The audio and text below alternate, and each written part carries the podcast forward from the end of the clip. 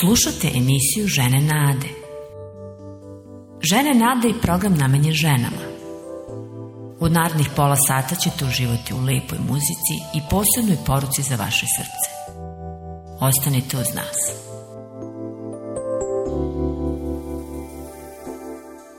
Kažem ti, ovo je posebna, drugačija vrsta umora. Često mnoge od nas žive s njim, a da ga nisu svesne šta im se dešava. Često činimo sve potrebno da zaspimo i zaspimo, ali se ujutru budimo kao da smo čitave noći kopale.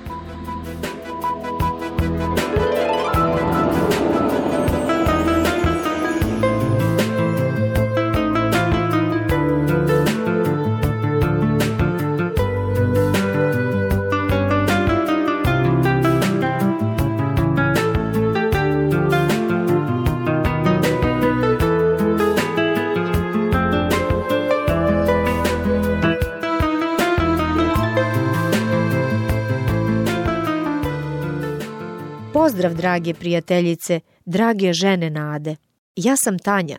Pitam se, da li ste se ikada osjećale ovako umorno i preopterećeno?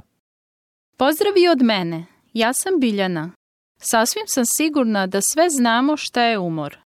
Zbog toga želimo da razgovaramo na tu temu u ovoj našoj emisiji. Inače, kako si ti, Tanja?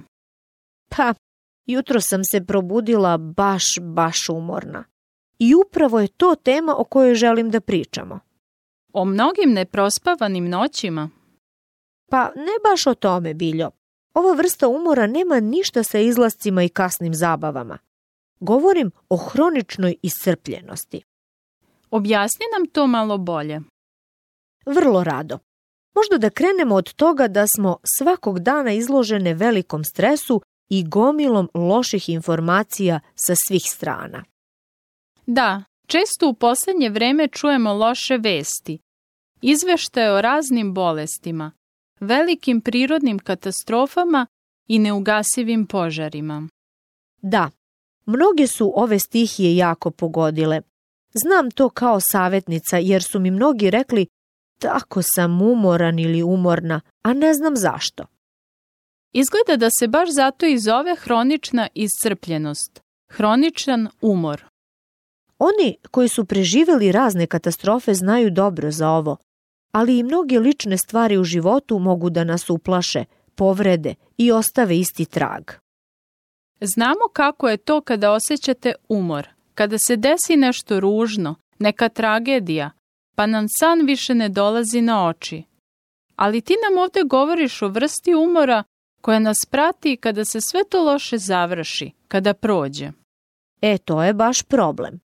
Prvo, kako znamo da je neka katastrofa završena? A šta ako se ponovi? Da, to je svakako traumatično.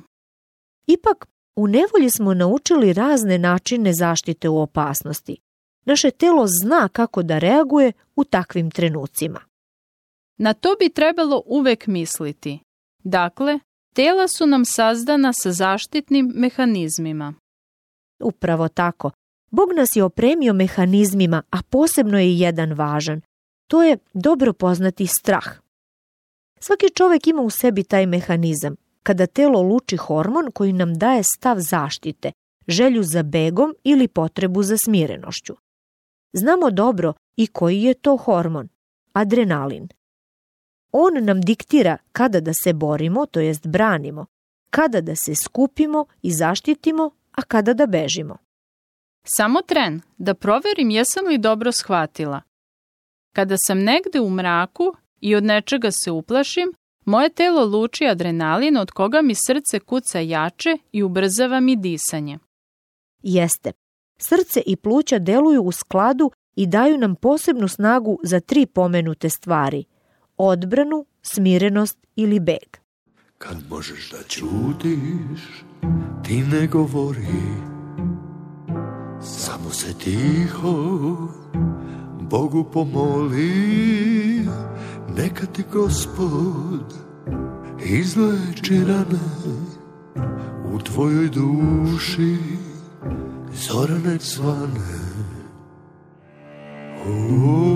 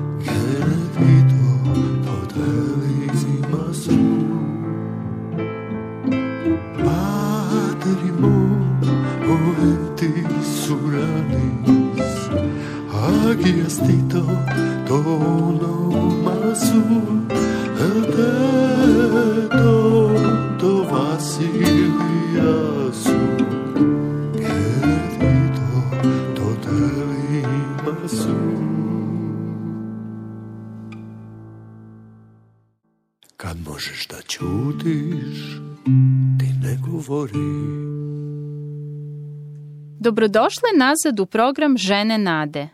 Danas Tanja i ja pričamo o tome šta se dešava u telu osobe koja osjeća hroničan životni zamor. Tanja, opiši nam kako još u praksi izgleda ovaj problem.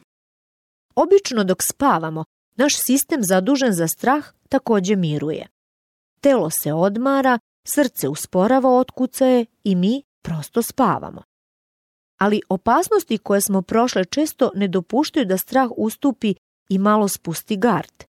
I sama sam to primetila kada bih se u sred noći prenula, a srce bi mi tuklo kao ludo. Prosto me je sve u meni teralo da mimo volje i dalje budem u gardu odbrane ili u begu. A radilo se samo o buci koju je podigao neki golemi kamion ili je grana udarila o prozor zbog jakog vetra. Doživljavala sam to i preko dana, samo što sam tada u budnom stanju se bolje obuzdavala. Recimo, osjećam napetost, ali bih znala da ta buka dolazi od nekog vozila i slično. Govorila bih sebi, sve je u redu, ništa nije strašno, to je samo kamion. Onda bi se otkuce iz srca smirivali, disanje usporavalo i telo bi mi se vraćalo u normalu. A da li tako uspevaš da se smiriš i tokom noćnih napada? Donekle. Nešto od toga bih uspevala. Ali nevolja je što me adrenalin probudi tako da sam spremna za trk, pa mi je potrebno vreme da ponovo zaspim. Kada se to dogodi par puta tokom jedne noći, ujutru se osjećam kao posle kopanja. Međutim, i danju nije ništa lakše kada je telo stalno napeto, kada ste u gardu. Svako trzanje, svaki nalet straha čini da nam se telo preplavi hormonom koji nas tera u aktivnost onda možete da mislite kako je kada to proživljavate noću. Vremenom to postaje hronična navika protiv koje ne možete. Čula sam za ljude koji su u roku od samo par meseci doživali nekoliko teških trauma od prirodnih katastrofa. Znam neke žene koje zbog toga spavaju obučene, spremne da skoče i beže. To je posebno bilo izraženo nakon zemljotresa koji su doživele. O, to mora da ih je dovelo do kolapsa.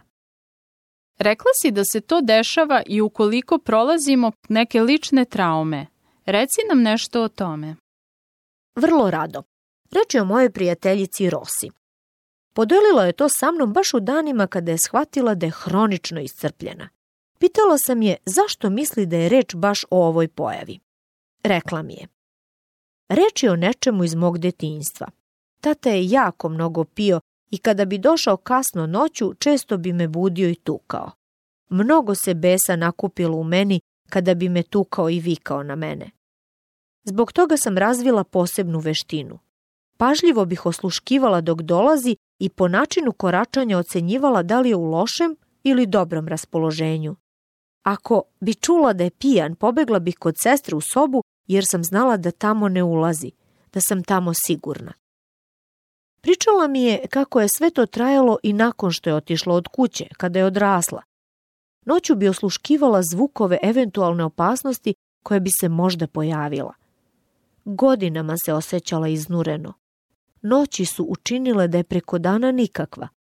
I dan danas ima istu naviku osluškivanja tuđih koraka i drugih zvukova. Ne bi spavala ako bi je nešto podsjetilo na hod pijanog oca. Ipak, Danas joj najveću muku zadaje to što jedva čeka da čuje korake svojih tinejdžera kako se vraćaju iz noćnih izlazaka. Kako je to teško! Godine i godine neprospavanih noći. Dobro, a da li je nešto pokušala kako bi sprečila tu naviku? Telo zna još uvek da joj bude napeto, u gardu, ali to je se sada dešava veoma redko sada se moli čim se noću takva probudi, što joj izuzetno pomaže da se vrati spokojnom snu. Koristi prirodne preparate, sve proverene biljke koje opuštaju i donose san. Naravno, često se moli, čita, piše, radi sve ono što joj pomaže da se opusti i vrati mirnom snu. Dakle, kada je opasnost jednokratna i kratkotrajna, onda lakše gasimo adrenalinski poriv u sebi da se branimo, umirimo ili bežimo. Tada se lakše i bolje odmaramo. Ali često smo predugo pod stanjem uzbune i alarmi u nama se prosto ne gase, baš kao godinama kod moje prijateljice. Kako bi bilo dobro da imamo taj prekidač za isključenje, pa da ga pritisnemo kada opasnost prođe? Zvuči kao šala, ali Biljo, Baš si rekla nešto zanimljivo. Naše telo ima takav prekidač.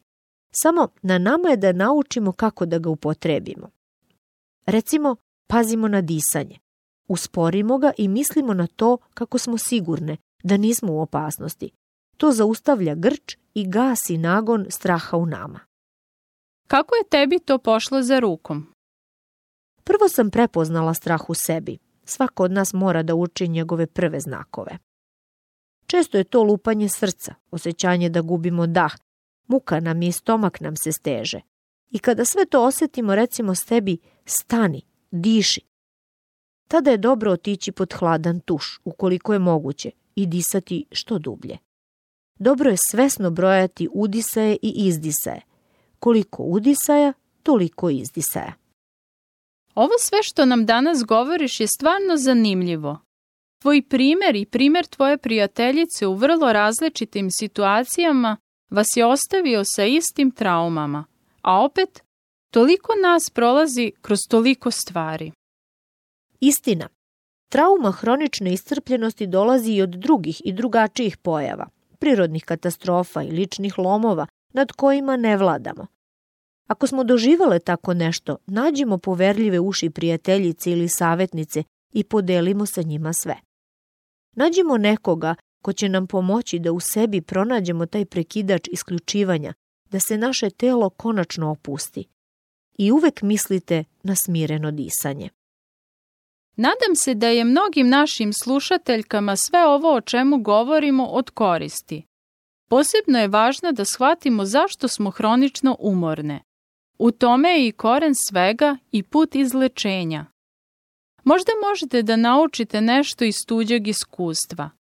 Recimo, molite se Bogu kada se probudite, za sebe, najmilije, prijatelje. Videćete koliko to smiruje telo, koliko ga opušta.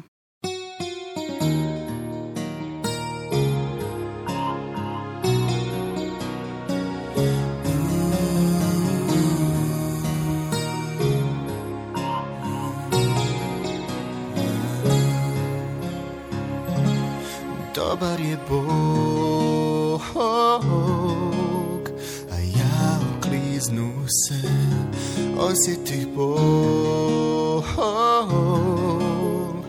Drugým ma ja závidieť, dok oholosť je srdca nima izvire, a kaota kaznu za to ne snose.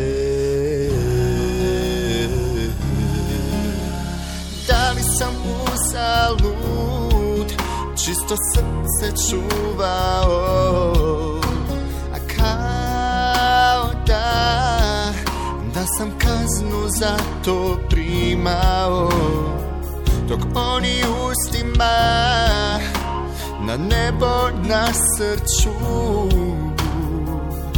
Uvijek spokojni Bogatstvo skupljaju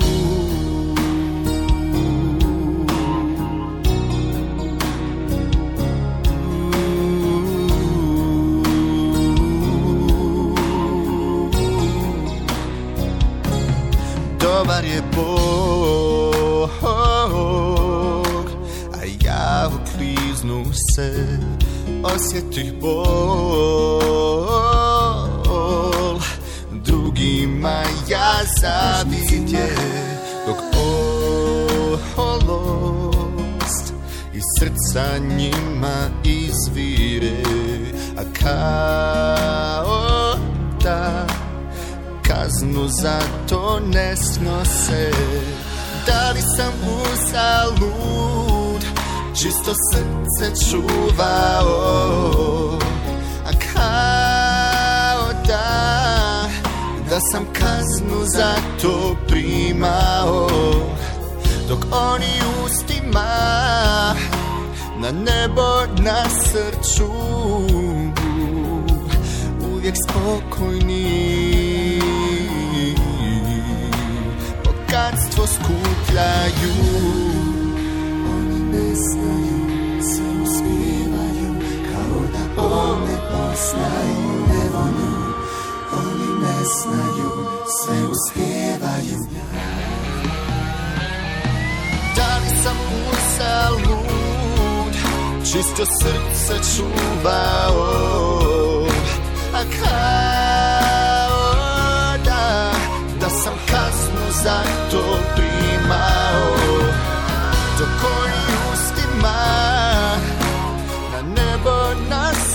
tugo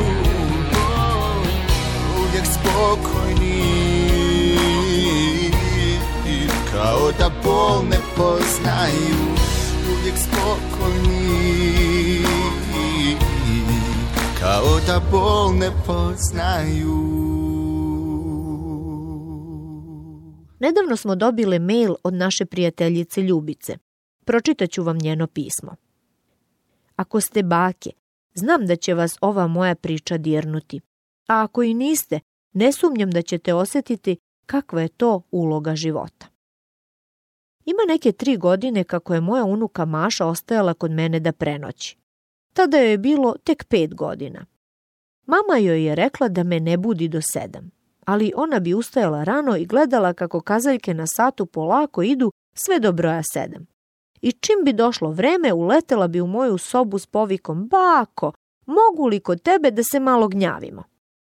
Naravno, pozvala bih je kod sebe koliko god mi se još spavalo. Ona bi uskočila, ušuškala se i smirila, a ja bih čak i nastavila s dremanjem. Onda mi je jedno jutro rekla, Bako, nešto me je jako brinulo. O, dušo, baka ne želi da te bilo šta muči. Kaži, u čemu je problem? odgovorila sam joj. Ma, u redu je sada sve, rešila sam to. Jako sam htela da znam o čemu je reč, ali nisam navaljivala dok mi sama ne kaže kada bude htela. Nakon nekog vremena je rekla, mučilo me je što nisam razumela zašto te toliko volim. Jedva sam se suzdržala da ne zaplačem. Upitala sam je, ho dušo, a znaš li sada zašto je tako? Pa bako, naravno, Volim te zato što ti mene toliko voliš. U trenu mi je u umu zablesnuo jedan odlomak iz svetog pisma. Neko vreme smo čavrljala i rekla sam mi, dušo, isto je i sa našim gospodom. Volimo ga samo zato što je on prvi toliko zavoleo nas i što nas još uvek bezmerno voli. Onda smo pričali kako to znamo, kako nam Bog to pokazuje, u prirodi, u porodici, u životu posebno u tome kada je žrtvovao svog sina Isusa Hrista da umre za nas. Kasnije smo zajedno čitali jedan odlomak iz Božje reči. Htjela bih da ga sada i sa vama podelim. To su reči iz prve poslanice Jovanove. Isusov učenik je napisao to pismo da bi utešio i ohrabrio tadašnje hrišćane. Mnogo je vremena proveo sa Isusom zbog čega su ga prozvali apostol ljubavi. Voljeni moji, volimo jedni druge, jer ljubav dolazi od Boga. Svako ko voli, od Boga je rođen i poznaje Boga. Ko ne voli, nije poznao Boga, jer Bog je ljubav. Bog je pokazao svoju ljubav prema nama tako što je poslao u svet svoga jedinorođenoga sina da bismo mi imali život njegovim posredstvom. Ovo je ljubav. Nismo mi zavoleli Boga, nego je Bog zavoleo nas i poslao svoga sina da bude žrtva za oproštenje naših greha. Voljeni moj, ako nas je Bog toliko zavoleo i mi smo dužni da volimo jedni druge.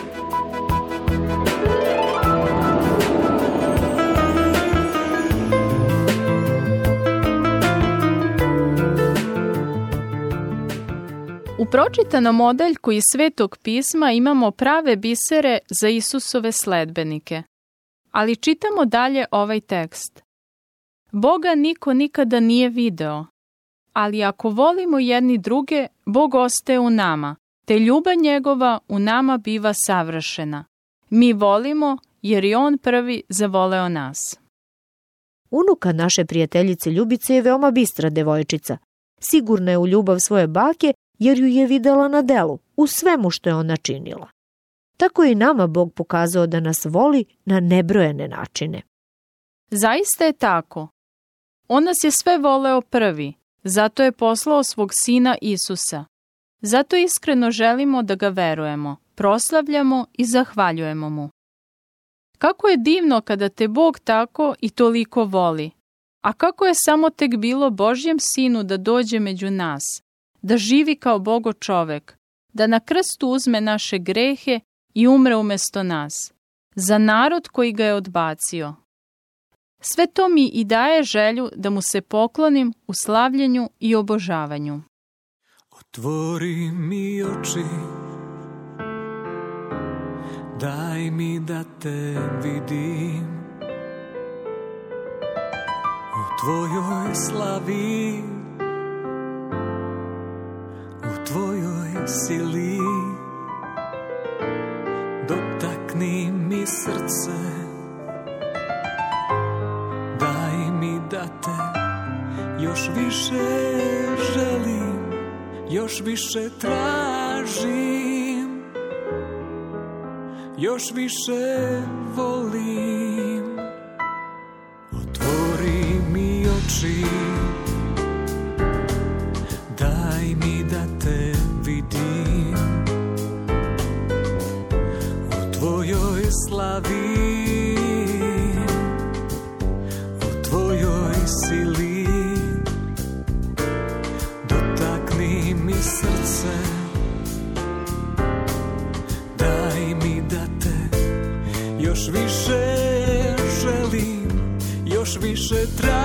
ja živ Još više volim Približi me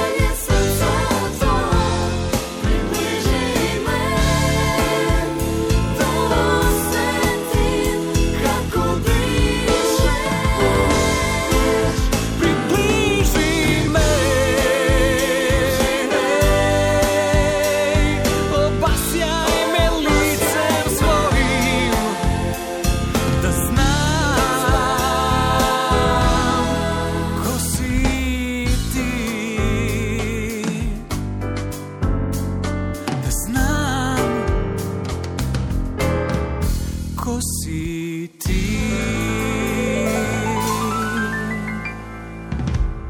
Hajde da se zajedno pomolimo.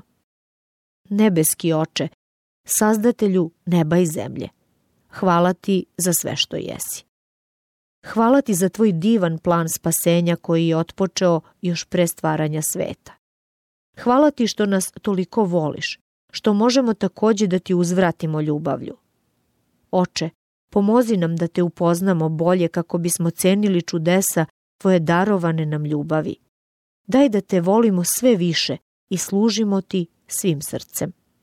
Molimo te ovo u ime Isusa Hrista. Amin. Baš smo se lepo družile danas, zar ne? Jesmo. Naučile smo kako da se nosimo sa traumom hronične iscrpljenosti. Koliko je važan adrenalin koji nas tera da se borimo, umirimo ili bežimo. Da, u katastrofama i u raznim traumama koje su izvan naših moći i kontrole, telo nam luči ovaj hormon koji nam pali prekidač delovanja. Baš kako si rekla, ili se borimo, ili ukočimo, ili bežimo. Ovo nije lako. Isključiti se kada nevolja prođe, a mi ostajemo u stanju uzbune. Jako je koristan savet da se molimo kada nas obuzme briga i strah. To je savet bolji od svih, zar ne biljo? Jeste. Meni je to lek nad lekovima. U molitvi razmišljam na čemu bih sve mogla da zahvaljujem Bogu. O ljudima za koje želim da se molim. Tako ne mislim na sebe. Naravno, tražim od Boga da me smiri, da mi vrati san. Govorile smo i o Božjoj ljubavi. I mi možemo da kažemo gospodu ono što je ljubici rekla njena unuka volimo te toliko jer si ti prvi zavoleo nas toliko. Zato počivajmo u toj njegovoj ljubavi znajući da nam želi najbolje u životu ma šta prolazile. U tome je sva naša nada. Vreme je da se rastajemo. Volele bismo da čujemo i vas. Vaše priče, mišljenja, pitanja. Javite nam se na žene nade Poštanski pregradak 37 11060 Beograd ili na telefon 062 396 331. Pozdrav i uživajte svakodnevno u Božjoj ljubavi.